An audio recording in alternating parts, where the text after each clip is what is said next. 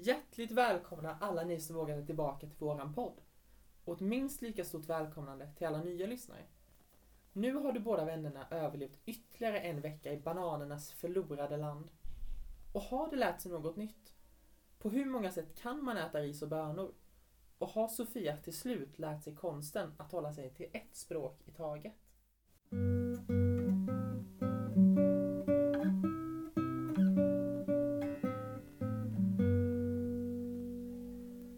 Nu sitter vi här och sänder, uppe i bergen på en bibelskola i Costa Rica, påklädda med kläder vi inte trodde vi skulle behövt använda.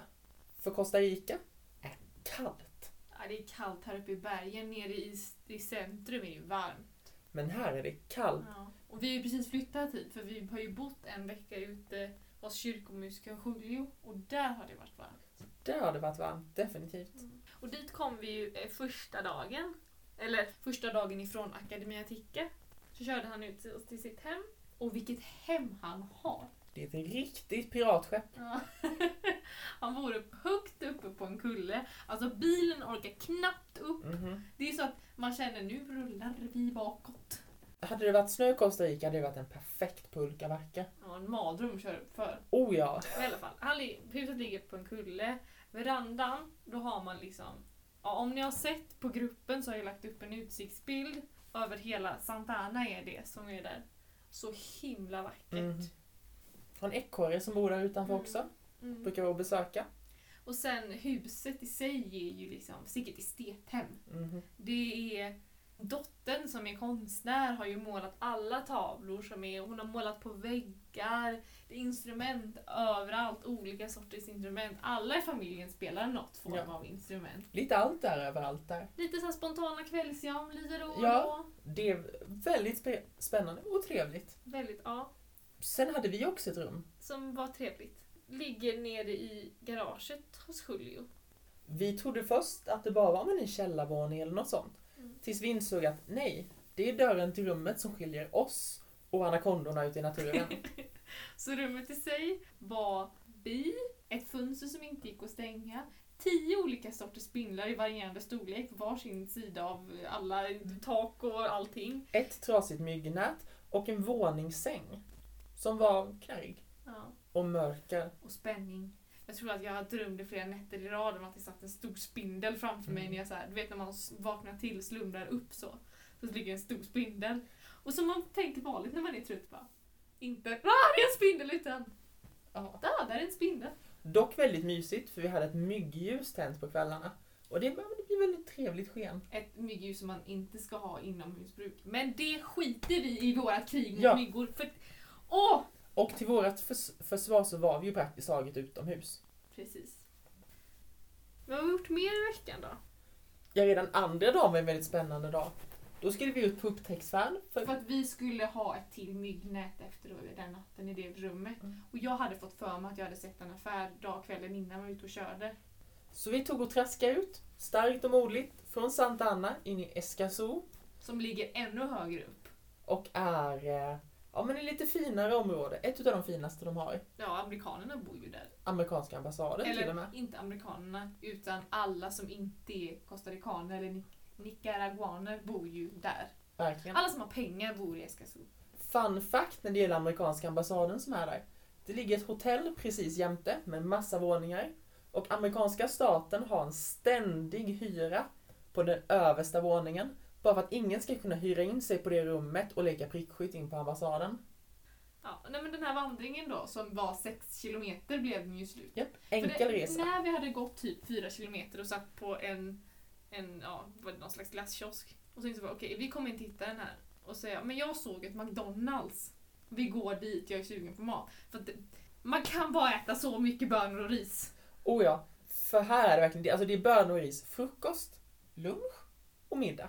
Alltid. Alla dagar. Utan undantag. Så vi kom fram till att vi skulle käka McDonalds. Så det var dagen vi gick 5 kilometer Enkel resa. för att gå på McDonalds. Snacka om plus, plus minus noll Mm. när man sitter och käkar. På gränsen till minus för det var dessutom gassande sol. Ja, Ja, det var en bragd. det var ja, verkligen en bragd.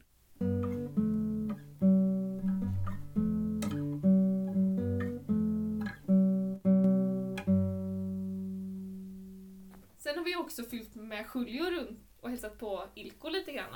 Vi har ju varit på huvudkontoret, vi har varit i Carpio med ungdomsgruppen och tjötat lite med dem. Eller de har tjötat och vi har lyssnat. Mm. För det är ju fortfarande så med spanskan att vi lyssnar och de pratar så snabbt. Och vi har ju dock fått bekräftat nu att Julio pratar sluddrigt. Ja. Men det går bättre och bättre. Ja, ja det gör det. Nu, nu kan jag liksom så här. Nu börjar jag närma mig det stadiet att jag bara liksom pratar och bär eller bristar liksom. Det brister ju. Och sen så sitter man och tänker efteråt att det där var det korrekta sättet att säga det. Men, Och sen så när man sitter och lyssnar på folk så är det så här man hänger upp sig på ord hela Mm. tiden. men knepet är att så fort man blir lite osäker, ta det engelska ordet du tänker på, förspanska det lite, Mm. så har du nästan sanningen. Precis som de gör med alla barnen. Ja, Alltså man kan höra sådana konstiga liksom, namn alla barnen har. Liksom, ja, de säger någonting liksom. Mm. Och så är det en förspanskad ord av Britney liksom. Fast det låter fult. ja det, För att de kan ju inte uttala det. det blir inte bra. Och sen så var vi också hemma hos Vilma, en av de, eh, en av de svenska volontärerna som är här från Sida. Precis, och hon bor i Alajuelita. Och- och har världens trevligaste värdfamilj, Mm. Dock hennes bonusbror, eller vad man vill säga, är omöjlig att förstå sig på, för han pratar slang. Ja, slang borde vara förbjudet. Nu känner jag mig gammal, men det, jag säger faktiskt det för att det, här har man gått och lärt sig fin spanska och läser spanska nyheter, sagor och allting och så ska han komma och förstöra allting med sin maj eller vad det är för någonting. Det finns alltså, vi fick höra att det finns ja, men två, tre ord som du egentligen behöver Massa kunna. ord som de bara bajsar fram. Men Vilma beskrev det som att kan ni de här två orden så kan ni följa med alla konversationer. Och det är den maj som är som Bror. bror. Som de säger till allt. Ja. Och man kan vara, alla kan vara maj tydligen. Ja. Men man är la maj om man är en flicka. Sen så är det också den här ahorita. Ja, Som är en väldigt diffust... Hon fick det först låta som att det betyder just nu, fast det kan också betyda ahorita, typ som Mm. nu gör vi det, fast den kommer inte ske om två, förrän om två timmar. jag tror det är det som är grejen, att om man översätter det så blir det nog nu. Vi gör det nu. Mm. Men i praktiken, I Costa Rica-tid så är nu om två timmar. mm. men det kan vara om tio minuter också. Knepet är att du får inte vara förberedd på någonting. Nej, nej, nej. När som Var helst det, packad hela dagen och sen så bara nu, vamos! mm. När som helst kan det ske. Vi har ju också tagit en turistdag i San Jose. Verkligen. Vi var inne i kyrkorna och då var, lyckades vi pricka in så det var mässa. Och alltså katolska mässor. De är väldigt Där speciella. sitter prästen uppe på sin tron i mitten av altaret Mhm. och liksom Alltså han sitter ju halvt slappt och sover typ när han gör sin predikan. Ja. Det är ju liksom I Svenska kyrkan står i alla fall prästen upp. och Och rör på sig i bästa Ja. fall. Men han bara satt där och lyssna nu på mig här lite. Jag Ja. har hört vad Jag är sanningen den är. upplysta, jag Mm. har det rätta livet. Då, Vägen genom Gud går genom mig. Och då är det ändå så populärt så inte med att det var folk, det var en duva inne i den ena kyrkan. Se där, till och med duvorna går på Ja. liksom. Så uppenbarligen funkar det. Och därefter gick vi på Nationalmuseet och tittade på fjärilar som vägrade sitta still. Och vi spanade in runda stenar. Runda stenar ja. Ja, för det är någonting när man bor i sådana här kulturer och inte behöver kämpa mot kyla, vinter, svält konstant.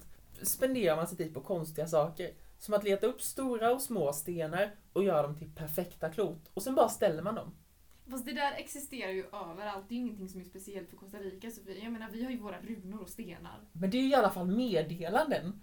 Det Jag vet, det kanske är små meddelanden, det kanske är blindskrift i dem. När jag läste det där, de, de placerade ut dem på lämpligt utvalda ställen. Det kunde vara för att markera att det var gravar och sånt. Ja men vadå, pyramider liksom? Men det var i alla fall fyrkanter. Det är inte så mycket jobb. Skulle du säga att pyramider inte är mycket jobb? Säg det till alla slavar som dog när de gjorde pyramiderna. Oj, oj, oj. Men de hade guldutställningen stängd i alla fall. Och framförallt så hade de De utställningen hade där. allting stängt. Ja. Eller vi var, de hade en massa fjärilar. Ja, de hade fjärilar. De hade fram till typ 1300-talet. Sen hela biten när européerna kom och allt som hände där, de var stängda. Då var bara 1800 och 1900-talet öppet och då var det bara ett wannabe i Europa. Det blir ju lite så här början, tomrum och sen hur det, bli- hur det blir, när det blir, hade gått åt helvete, så här var det då. Verkligen. Det var liksom inte sträckan till hur europe, européerna och amerikanerna förstörde allting. Men den ena av de utställningarna öppnar i februari, så den ska vi se. Mm. Del ett av två. Mm. Sen så gick vi ungefär 50 meter in i Chinatown. Insåg att Chinatown är nej, 10 meter. Nej, Chinatown var ju skitlångt, det var ju därför vi vände och gick. Jag tyckte jag såg inget kinesiskt. Men vi gick ju bara fram till torget och sen vände. Och där var en stor kyrka. En kyrka som du bara tyckte var konstig, varför tyckte du den var konstig? Jag hade väl någonstans tänkt mig... Min sån där bild av Chinatown när man ser filmer, det är att man går in i de där portarna och så överallt så är det bara massa asiatiska butiker och det står knappt på engelska inte eller in, och något. dessutom tycker jag faktiskt att det var en liten besvikelse för det var ju faktiskt kinesiskt nyår och det var, vad var vi, vi var där några dagar innan bara. Mm. Och det var inget pyntat. Nej. Ja, det var en besvikelse. Ja, en riktig besvikelse.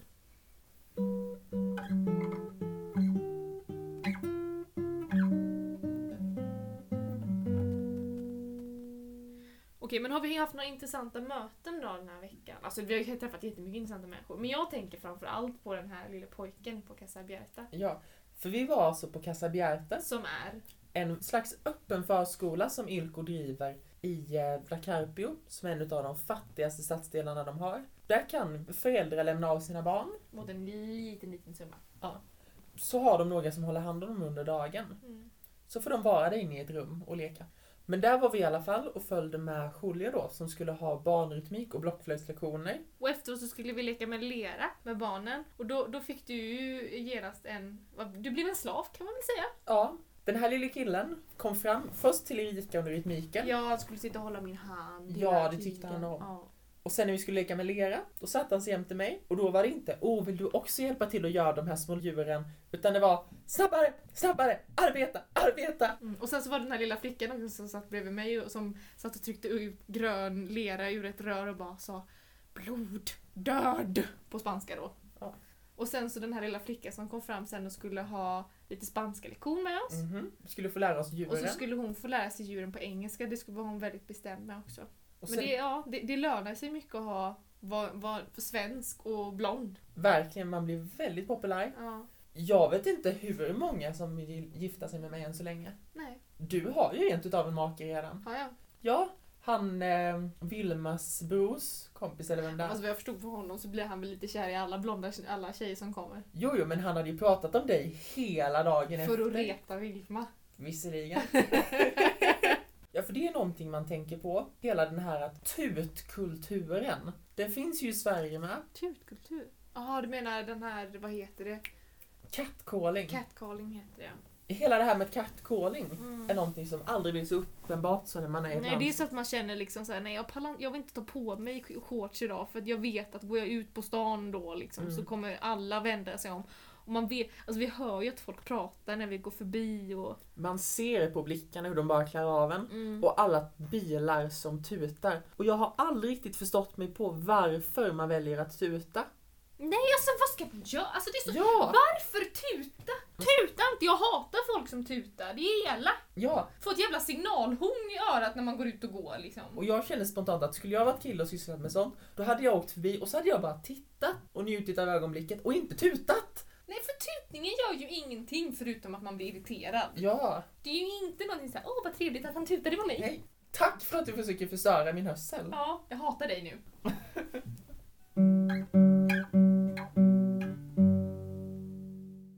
Våra första intryck av Ilko då? Nu när vi ändå har träffat dem och så här. Vi har ju hört, vi har ju hört väldigt mycket innan vi har åkt in. Men, eller åkt, ja, åkt hit. Men hur de faktiskt är. Och vi har ju pratat lite runt med folk som är lite utomstående. Och alltså, för det första är Ilko inte en känd kyrka här. Alltså det Nej. finns ju miljarder olika kyrkor som inte är katolska. Och Ilko är en jätteliten kyrka. Mm. Det poppis här är att det ska vara men, evangeliska kyrkor. Ja, jävlar vilket drag är det inne på de gudstjänsterna. De håller igång hela natten. Men tänk USA, präster som står upp och liksom gestikulerar. Men det var ju liksom när vi åkte in i Carpio den kvällen. Då, då hade de ju igång det. Och sen så när vi åkte ut två timmar senare, då höll de fortfarande igång. Ja, Och står de upp och dansar och har sig. Så sitter vi där med en gitarr och tänder lite ljus. här i lutherska kyrkan tar vi det minsann inte för våldsamt. Nej! Nej men den är väldigt liten. Och sen så... Är det en kyrka med väldigt mycket god vilja och goda ambitioner? Ja, väldigt mycket goda ambitioner och det blir väl lite spretigt kanske. Eller, nej, det är inte spretigt, det är väl det att just nu de är så fokuserade på... Alltså det här är ju första intryck. Liksom. Ja, verkligen. Därför måste vi, det här är ju verkligen intryck bara.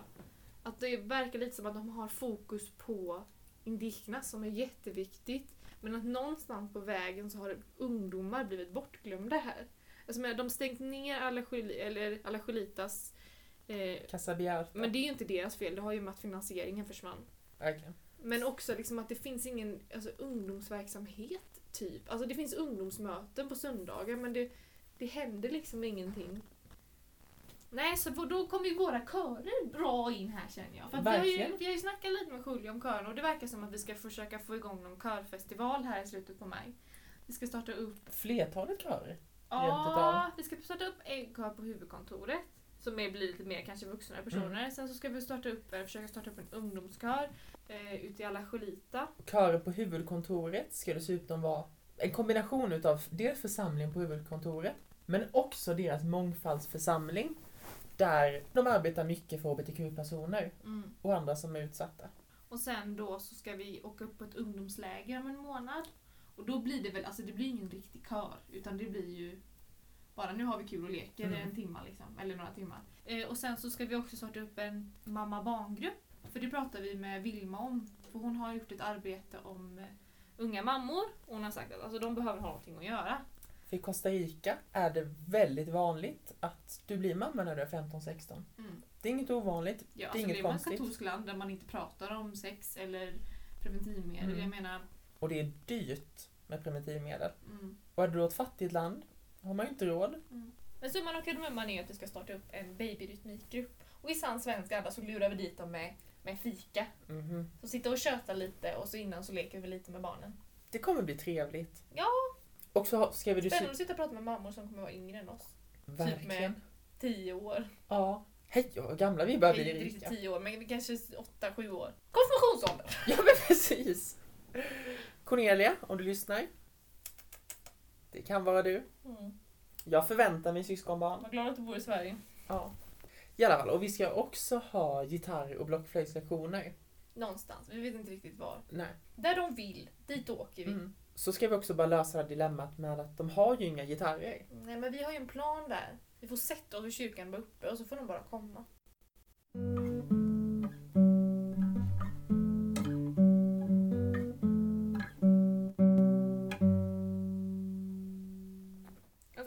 Sak som jag har tänkt på, som kommer låta skitkonstigt, det är alltså att folk är så jävla fattiga.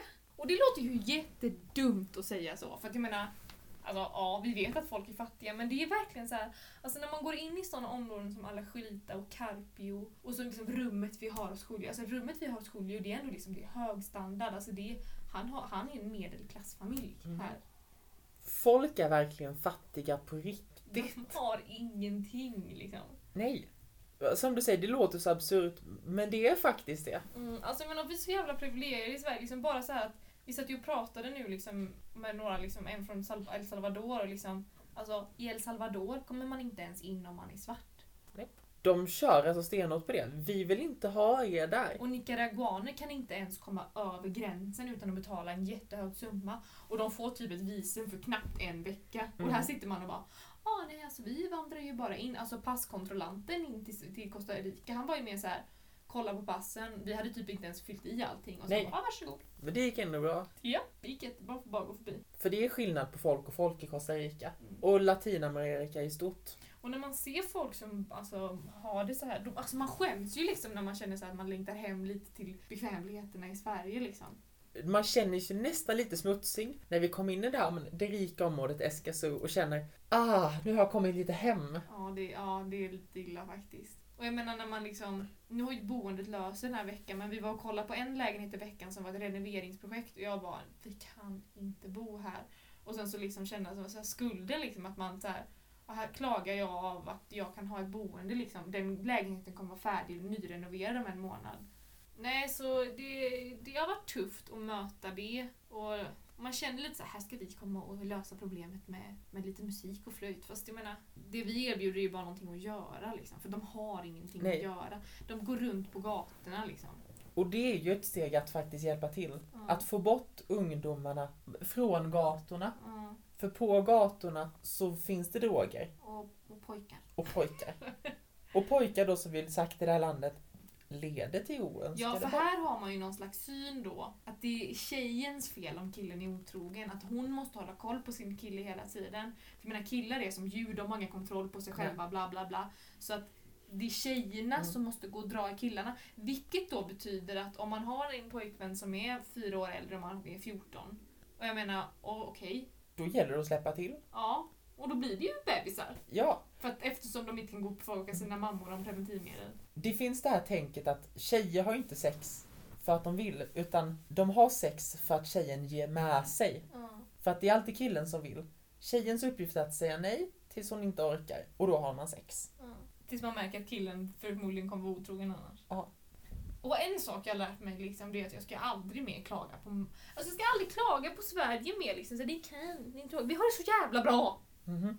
Och vi behöver inte ha galler för våra fönster. Nej, vi behöver inte ha galler och hundar som skäller okontrollerat. För man uppfostrar inte hundar i det här landet. För hundarna har ett syfte och det är att skrämma iväg alla som går förbi. Oavsett om de är vänliga eller liksom Mhm. ovänliga. Så man har galler för, man har en skitig fasad så det ska se ut som man är liksom, oavsett var du bor så ska det se ut som att du är fattig och inte har några Ja. pengar. Och enda undantaget är om du är riktigt rik. För då kan det se fint ut, men då har du en hög mur med taggtråd ovanpå också. Mm, typ tre meter hög med taggtråd Mm. längst upp. Då är det okej. Då är det okej, då kan det se fint ut.